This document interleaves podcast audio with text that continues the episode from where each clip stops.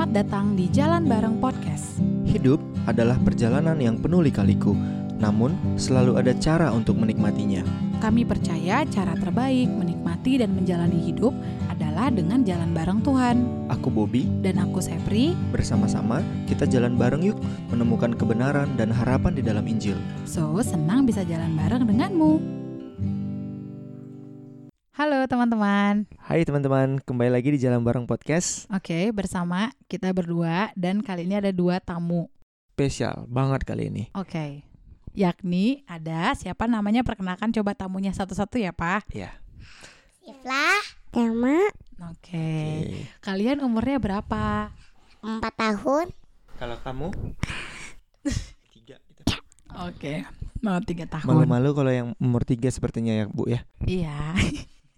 nah, hari ini eh, kakak dan adik mau rekaman podcast tentang apa? Tentang gimana cara untuk tidur anak-anak Iya Tidur anak-anak Tuh. Emangnya kenapa ibu tuh susah tidurnya, Bu? Iya Kenapa susah tidur, Bu? Ya karena ada yang bikin ibu susah tidurnya Kalau ibu yang ini? Karena apa susah tidur? Anak-anak Iya, kenapa anak-anak itu susah tidur? Karena apa, Kak? Mungkin Kakak bisa bantu adiknya jawab. Karena dek Adi tahu gak? Karena ada yang bikin kita susah tidurnya Itu namanya tuh Dari kakak ke adik Udah mulai nggak jelas. Mhm. Oke, selain kita ngomongin susah tidur, kira-kira mau ngomongin apa lagi ya? Mau ngomongin supaya berhentiin berantem Oh, oke. Emang kakak dan adik suka berantem? Suka Biasanya apa yang bikin berantem? Kalau kakak lagi main ada yang ganggu Kakak jadi malah Tuh.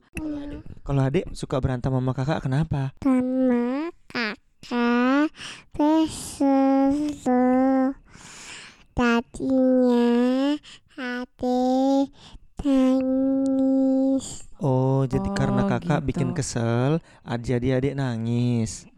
Hmm. Nah, kira-kira kalau berantem itu kita harusnya gimana ya? Kalau misalnya Minta tolong ke Tuhan Yesus Nanti kita berdoa Kita minta tolong lagi Kalau susah kita tarik nafas Habis itu kita tolong lagi ke Tuhan Habis itu kita minta maaf Hmm, oh gitu. Tidur adik bangun Oh, co- contoh yang waktu marah itu yang waktu adik bangun, kakak tidur ya. Itu contohnya karena apa itu ya? Karena tiba-tiba adik ngomong itu kakak bingung Oh, oke, oke. Dan kalau nggak salah itu adik lupa kasih keterangan ya. Oh iya. Keterangan kalau itu tadi malam bukan yang waktu siang-siang, Iya. Kak. Adik kurang lengkap keterangan waktunya. Ada yang kalimat yang gak jelas, ya kan? Jadi komunikasinya nggak bagus gitu. Nah berarti lain kali supaya nggak berantem gimana caranya ya? Kita minta tolong aja ke Tuhan Yesus Ya, jadi itu tadi dia secuplik percakapan wawancara kita dengan Sifra dan Shema. Iya, dan terakhir bagus banget ya. Apanya tuh yang bagus, Pak? Tentang Tuhan Yesus. Oh iya. Oke. Nah, jadi nanti kita akan bahas sedikit ya soal yang jawaban terakhir si kakak itu. Nah, eh, seperti yang mungkin teman-teman udah tahu juga, anak-anak kita itu kan eh, usianya rentangnya di usia balita ya, satu eh, empat tahun dan juga mau tiga tahun nih gitu. Dan yang mana di usia em, yang masih little years ini banyak yang bilang ini tuh kesempatan untuk menanamkan ground rules kayak aturan-aturan dasar gitu dalam kehidupan dan juga beberapa eh, misalnya kayak moral building blocks lah di waktu di tahun-tahun ini tuh gitu. Nah kalau contoh aturan sebenarnya tadi mereka udah sebut tuh tidur. Nah Hmm. anda kan tahu sendiri ya iya, setiap malam iya, kita iya. bergulat gitu sama mereka ayo tidur tidur tapi mereka masih mau baca lah masih mau apa masih mau apa gitu nah itu kan salah satu aturan yang kita coba terapin sama mereka Ya- yaitu misalnya tidurnya jam segini Habis itu aturan lain lagi adalah eh, beresin mainan gitu kan setelah bermain. Atau main yang satu dulu selesai beresin baru main yang lain. Hmm. atau misalnya eh, baca bukunya secukupnya aja kalau mau tidur. Jangan Aduh. satu isi rak buku di Iya betul banget jangan satu For your information ya guys, Heeh. eh, biasanya kalau bedtime story itu ya satu buku ya. Mm-mm. Ini masa 6 sampai 7 buku, Mm-mm. guys. Jadi satu set penerbit itu harus dibaca semua Aduh. gitu. Nah yang kayak gitu kan kita harus bikin boundariesnya ya kan. Heeh. Heeh. Nah tapi pada kenyataannya kan waktu kita menerapkan aturan itu sering kali mereka lupa. Terus udah diingetin berkali-kali beresin mainannya lupa juga gitu. Hmm, atau Atau masalah berantem. Iya, nah itu soal moral tuh. Mm-mm. Hmm, betul berantem terus rebutan mainan yang satu Ya. lagi pegang. Ini kan baby adek. Mm-mm. Kan kakak duluan yang pegang. Jadi ya eh, percakapan-percakapan situ sehari-hari Heeh. selama 50 hampir 50 hari ini ya. Mm-mm. Kamu 50 hari, aku sih sebelumnya juga udah iya, sering. ya? Oh iya. Iya iya iya benar. Untuk aku tuh wow, dahsyat sekali percakapannya ya. Mm-mm. Sehari-hari berantem, ngomongnya keras, mata melotot. Mm-mm. Wah, Iya betul. Tidak jarang juga kadang-kadang suka ada baku hantam ya. oh iya. Ada sudah tidak Insiden. dideskripsikan lah. Iya betul gitu. Jadi eh, mau kita terapin aturan atau kayak moral yang tadi lah misalnya. Iya. Kalau main ganti-gantian, kalau mau Mm-mm. pinjem minta dulu yang baik, tunggu giliran kayak gitu kan. Kita kan harapannya ya sekali aja lah dijelasinnya gitu. Tapi Iya kan sih. mereka pada kenyataannya suka ya ulang gitu, lagi ulang ya. lagi ya. Repeat ah. order. Nah iya repeat order. Nah jadinya respon kita kalau aku sih biasanya ya paling sering itu adalah responnya kesel gitu. Hmm. Kesel abis itu Sebel ya. sebel ya, marah gitu. Walaupun ya mungkin marahnya manifestasinya beda-beda ya. Ada yang kayak diem aja gitu. Atau kayak kadang-kadang ya keluar juga gitu kencang suaranya. Hmm. Atau ya bisa juga sih kalau aku suka kayak frustasi sendiri kayak aduh ini sampai kapan sih? Sampai kan aku pernah nanya kamu kan, ini mereka nanti bakal berantem terus kayak sampai mereka Iya, udah iya. gadis kayak aku kayak ya Tuhan kayak gitu. Kalau Iya kamu sih. sebagai bapak-bapak apa sih biasanya responnya? Marah. Ketara banget kan itu. Contohnya lah kayak tadi sore kan. Mm-mm. masalah berantem mereka keras saja so mungkin mereka main ya ataupun ya rebutan seperti biasanya cuman responku adalah kenapa itu deh gitu kan kenapa itu kak gitu jadi suara kencang juga balasannya jadi ah, ah. batu sama batu Iya benar. keras sama keras jadi nggak baik sih Iya. kemudian ya sedih ada juga sih kecil kecewa tapi em, mayoritas aku marah sih langsung Hmm. Hmm. Mm, mm, mm. itu membuktikan aku juga orang tua yang imperfect Iya. Nah, tetapi eh lagi-lagi ya guys, ini bukan seminar parenting ya, jadi terlalu kenceng ketawanya. nah, nah, tapi selalu nih kalau misalnya kayak udah frustasi kayak gitu, selalu ada harapan sih di iya dalam firman Tuhan gitu kan. Always. Nah, nah, jadi mudah-mudahan nih harapan yang kami temuin ini juga bisa jadi insight yang positif juga untuk teman-teman yang mungkin jadi orang tua sekarang dan punya anak-anak seusia kita juga anak-anaknya. At- dan nggak menutup kemungkinan untuk anak-anak lebih dari satu ya Yes. bahkan anak yang seorang masih masih sendiri misalnya anaknya Mm-mm. ini juga berlaku ya Iya, Hmm. benar. uh-uh. Nah, jadi apa nih Pak yang pertama? yang pertama tadi kita ngomong respon kita kan Uh-uh. nah itu aja mencerminkan bahwa kita orang tua ini orang tua berdosa Mm-mm. iya kan Oke, ya, itu kesimpulan dasar ya. kumpulan dasar iya kita punya nature yang selfish kan Mm-mm. yang sebenarnya kalau dirunut-runut lagi apa sih yang membuat kita marah kalau kayak aku aku marah karena mereka tuh tidak sesuai ekspektasiku mereka sebagai kakak beradik harusnya akur lah baik gitu padahal kalau ditilik-tilik lagi aku sendiri pun belum tentu baik dengan siblingku Iya. ya kan Mm-mm. bahkan aku mungkin sama kamu juga kadang-kadang Mm-mm. suka marah-marah juga. Nah, masa mereka marah nggak boleh Mm-mm. eh, bapak boleh kayak gitu jadi kayak kalau misalnya aku menu- menuntut mereka nggak marah ya aku selfish dong ya kan Mm-mm. nah dan kemudian aku bersumbu pendek nggak Hmm. bisa panjang sabar ya itu juga udah udah udah melanggar firman Tuhan banget tuh Iya, ya. Ya kan Mm-mm. Tuhan yang adalah panjang sabar besar kasih setianya. Wow, yang- jauh yang- banget dari kita ya. Yang Allah itu katanya seperti bapak yang sayang kepada anak-anaknya. Wah ini bapak nggak sayang banget nih sama anak-anaknya kalau nggak panjang sabar. Iya, ya. kan? Benar, Jadi, benar. ya itu sih natureku yang berdosa. Mencoba untuk mentrain yang adalah manusia-manusia berdosa juga. Kayak ya gitu. jadi gitu respon awalnya atau respon naturalnya ya jadi kayak gitu menuntut Mm-mm.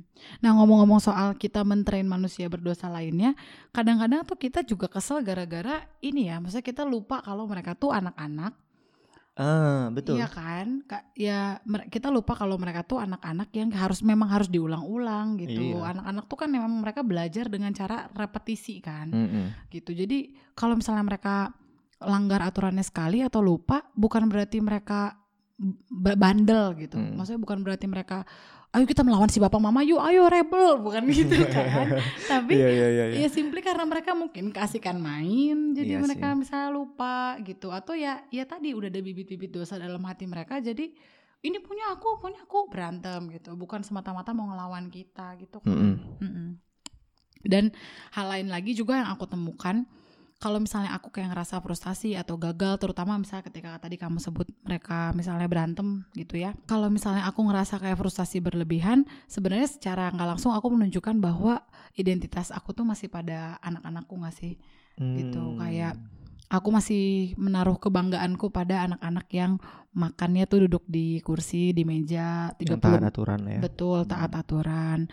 Habis itu beresin mainan, kamar mainnya selalu rapi dan bersih. Habis itu anak-anak yang uh, nggak bisa pernah berantem nggak pernah berantem, yang sabar. Wow, anak-anak apa ya itu ya? nah, ya jadi kalau misalnya mereka bisa kayak gitu, Iya, iya.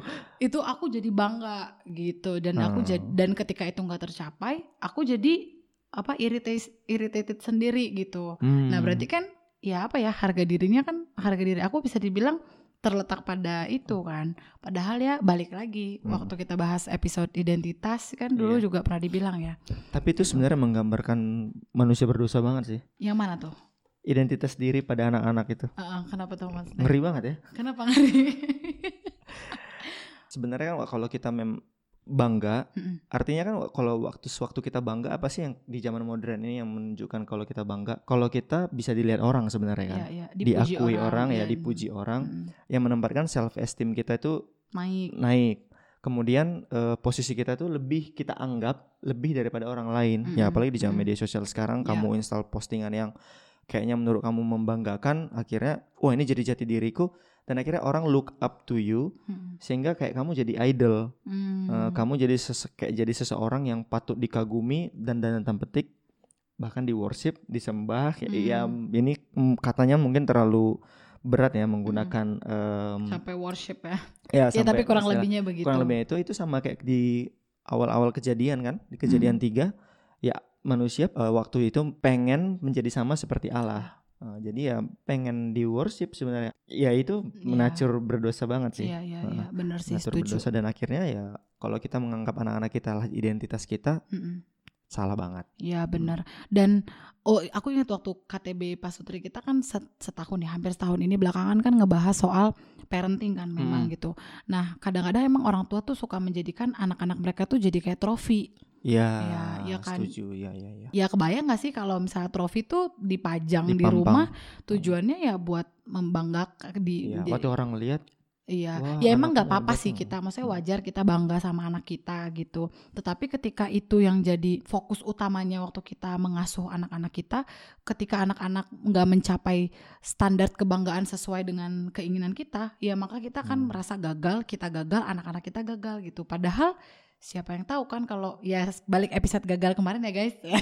jadi kan kayak gagal atau enggak kan kita nggak tahu. iya. Tuhan yang tahu tujuannya kita Dalam diciptain. perspektif kekekalannya. Betul, gitu. Ya gitu sih. Benar. Sama ya yang ketiga yang gongnya adalah itu sih anak-anak ini sebenarnya aku lihat mencerminkan sikap aku juga di hadapan Tuhan. Mereka suka merengek, ya lah aku juga suka merengek kali di hadapan Tuhan, suka Iya. mengeluh. Apalagi aku.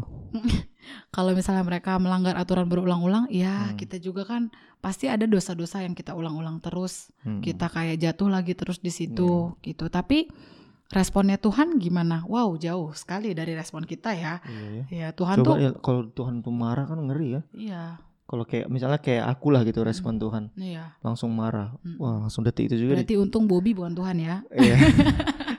langsung detik juga dicabut kali nyawaku ya. Iya, iya kan. Tapi Tuhan Kau tuh panjang. terus kau kata Iya. gitu. Kalau kita lihat tuh contohnya yang di kitab Keluaran ini gara-gara anak-anak kemarin uh, nontonin dan baca tentang Musa, jadi ngelihat lagi, ih bangsa Israel tuh selama di padang gurun berjalan berkali-kali ngeluh terus ngeluh terus pengen ke Mesir terus itu kalau jadi Tuhan kayak kesel banget kali ya ini udah dibebasin Ngeluhnya banyak lagi ya. iya Ngeluh soal makanan, Mm-mm. terus Air. jenis makanan. iya Ya, pertama udah dikasih roti. Nah, nggak mau roti maunya daging Iya. dikasih lah burung tuh mati mati banyak kan habis itu air air Heeh, iya ampun. Udah gitu udah datang di tanah perjanjian juga masih Ngeluh juga lagi. aduh. Iya jadi itu sedikit Iya, banyak iya, menggambarkan kita sebagai manusia ke ke Tuhan sih. Dan responnya Tuhan apa? Is diladenin terus, sabar, dikasih Iya. terus semua kebutuhannya gitu. Tapi ya itu despite of sikap kita yang kayak gitu pun Tuhan gak pernah berhenti mengasihi kita. Hmm. Tuhan tetap sayang dan itu semua juga yang lebih gong lagi nih adalah dibuktikan di salib Kristus ya. Hmm. Sesuatu yang gak mungkin yaitu kita menyelamatkan diri kita sendiri dengan ngikutin semua aturan-aturan keagamaan gitu. Tetapi Tuhan kasih jalan keluarnya sendiri. Jalan keluarnya dari dia sendiri yaitu Tuhan Yesus yang mati di kayu salib untuk menebus dosa kita. Ya. Gitu. Dan harusnya kalau kita udah tahu berita itu, itu jadi kekuatan juga buat kita supaya kita bisa mengaplikasikan si Injil itu kan. Kita extend nih. Kita udah dapat kasih karunia itu dari Tuhan. Ya kita sekarang giliran kita untuk meneruskan itu ke anak-anak anak-anak kita yang kita jadinya eh ya meneladani Allah. Jadi ini secara nggak langsung atau mungkin secara samar-samar ketika anak-anak kita belajar tentang aturan atau moral terus mereka melanggar tapi bapak mama mereka tetap mengasihi dan mengampuni. Nah, mereka jadi dapat tuh picture of God-nya gitu. Walaupun mungkin nggak perfect ya. Ya jadi ketimbang menjadikan anak-anak kita trofi yang bisa dipajang di atas hidup kita ada baiknya mungkin kita jadi trofinya Allah buat anak-anak kita kita display tentang Hmm. Allah kita. Jadi waktu hidup kita ini menunjuk em, ya seperti etalase, mereka ngelihat baik ya Allah, bapak mama kita karena mereka punya Allah yang baik kayak Hmm, gitu. hmm, Wah bapak mama selalu mengampuniku meskipun aku berulang kali merengek lagi, jatuh lagi, meng, mencakar Berantem adik, lagi. ya, atau berantem sama adik, berantem sama kakak. Tapi bapak mama selalu baik ya kayak gitu. hmm. Jadi kayak kita mendisplay kasihnya Allah ke anak-anak kita dan secara nggak langsung ini kayak menjawab kelak ya di waktu usia mereka dewasa itu menjawab pertanyaan terbesar manusia sih tentang moralitas dan ya tentang evil tentang kejahatan di dunia dan mereka bi- bisa punya dasar fondasi yang kuat waktu kita mendisplay tentang Allah Hmm. yaitu yang the highest the supreme uh, moral standard untuk Hmm. kehidupan manusia karena kalau kita pakai moral standarnya manusia moral standarku sama kamu beda pasti Hmm. terus sama orang lain beda juga Hmm. sama orang di negara lain dengan budaya yang lain itu juga pasti berbeda Hmm. dan kita nggak bisa pakai standar kita untuk menilai suatu hal Hmm. dan waktu kita punya karakter-karakter yang baik seperti karakternya Allah Hmm. Itu secara nggak langsung bisa merujuk kepada Allah itu sendiri dan Iya. kelak mereka lebih mudah percaya kepada Allah itu sendiri ketimbang mereka nggak pernah lihat orang tuanya memiliki karakter-karakter yang baik Hmm. orang tuanya menuntut aja mereka baik tapi nggak pernah display gimana sih yang baik itu Nah. gimana sih mengasihi itu orang bapak sama mama juga sering berantem gitu Hmm. atau bapak juga suka marah-marah atau Hmm. mama juga suka marah-marah jadi Iya. mereka nggak bisa melihat Hmm. Contoh yang baik itu kayak mana gitu Iya, dan iya, akhirnya di waktu mereka dewasa mereka jadi sulit untuk yang mana sih Allah itu aku Hmm. nggak pernah eh, punya pengalaman itu dari masa kecil soalnya bapak mamaku nggak pernah menunjukkan karakter-karakter Allah yang Iya. baik itu ya meskipun di kehidupan kapan pun manusia bertumbuh Tuhan bisa datang ya dan Sediakan melawat anugerah-anugerah ya. ya. ya dan Tuhan sediakan anugerah untuk itu Tetapi kalau in- dalam kasus sebagai orang tua, kita udah Iya. dikasih kesempatan dan secara sadar penuh lah kita Iya. perkenalkan Allah terus menerus kepada ya, anak-anak oh, kita ketika ada kesempatan itu ya pakailah itu gitu kan. Mm-mm. Aku jadi inget analogi pernah ada aku baca. Jadi kayak orang tua tuh kayak eh, jendela gitu. Mm-mm. Misalnya anak-anak mau mengenal Allah kita tuh jadi jendelanya. Mungkin jendela jendela kita sebagai jendela masih kotor gitu. Jadi kita sendiri pun harus terus bertumbuh, Hmm, harus semakin dibersihkan, harus makin holy, makin hari makin serupa Allah, serupa Allah. Sehingga ketika si jendelanya makin jernih, makin jernih, waktu anak-anak melihat through the window, dia bisa lihat, oh kayak gini ya Allah itu gitu. Jadi Hmm. nanti bahkan dia nggak gak peduli lagi ada jendelanya gitu kan tujuan kita sebenarnya Hmm. memang bukan mengena, bukan supaya mereka serupa dengan Sepri dan Bobby kan Betul. tapi tujuan mereka eh, tujuan kita adalah supaya mereka serupa dengan Kristus gitu jadi Yes. bahkan jendelanya udah nggak penting lagi yang penting adalah sinar matahari yang begitu indah yang begitu mulia yaitu si Allah sendiri gitu yang Hmm. mereka akhirnya nikmati dan mereka alamin sendiri Iya. gitu ya tentu dalam hal ini tadi Bobby bilang bersikap baik misalnya mereka berantem kita nggak marah bukan berarti kita nggak mendisiplinkan ya Iya. ya kan Bukan pada ekstrem itu. Betul, Hmm. tetapi kita tetap mendisiplinkan, tetapi kita juga menunjukkan kayak pengampunan. Ya. Ketika kita salah juga kita dengan berani minta maaf ke mereka. Hmm. Mereka minta maaf kita juga langsung maafkan. Dalam ko- dalam konteks hubungan yang yang kayak begitu tuh mereka bisa melihat wah hubungan aku sama bapak mamaku tuh berharga ya. Aku mengasihi bapak mamaku. Jadi aku mau ah ikutin aku mau ah beresin mainan supaya Hmm. aku tetap bisa uh, happy sama si mama. Nantinya menurut aku ini jadi dasar yang baik kan kayak kamu sering Hmm. bilang kan. Highest morality kan sebenarnya kasih kan. Yes. Ya, jadi ketika kita mengasihi Allah yang kayak di uh, dua hukum yang terutama itu kan kasihlah Allah dan kasih sesama mengikuti apa yang dia mau tuh ya lus aja gitu Hmm. karena ya kita sayang sama Allah kita Hmm. dan aku harap sih berdoa supaya relasi itu tuh digambarkan dulu dengan relasi mereka sama kita sebagai orang tuanya dulu gitu. begitulah kira-kira mungkin em, ini sih sebenarnya refleksi untuk diri kita ya lebih banyak Jadi kalau misalnya besok atau minggu depan aku marah, aku Mm. bisa dengar lagi episode podcast. Iya itu sebenarnya supaya kita bisa mendengarkan ke take podcast kita ini. Ini. Iya. dan diulang-ulang terus gitu ya. Berarti menjawab pertanyaan Sifra yang terakhir, oh ya jawaban yang aku nanya ya. Jadi gimana supaya nggak berantem lagi? Minta, Minta tolong, tolong. aja sama Tuhan Yesus. Tuhan Yesus. ya benar. Setuju. Karena kita nggak bisa guys. Yes, kita nggak bisa generate kasih ya kepada sibling kita. ya betul jadi minta tolong aja sama Tuhan Yesus supaya dia tolong kita mengasihi uh jawaban yang mantap Wow. oke deh sampai jumpa lagi di episode berikutnya ya Bye.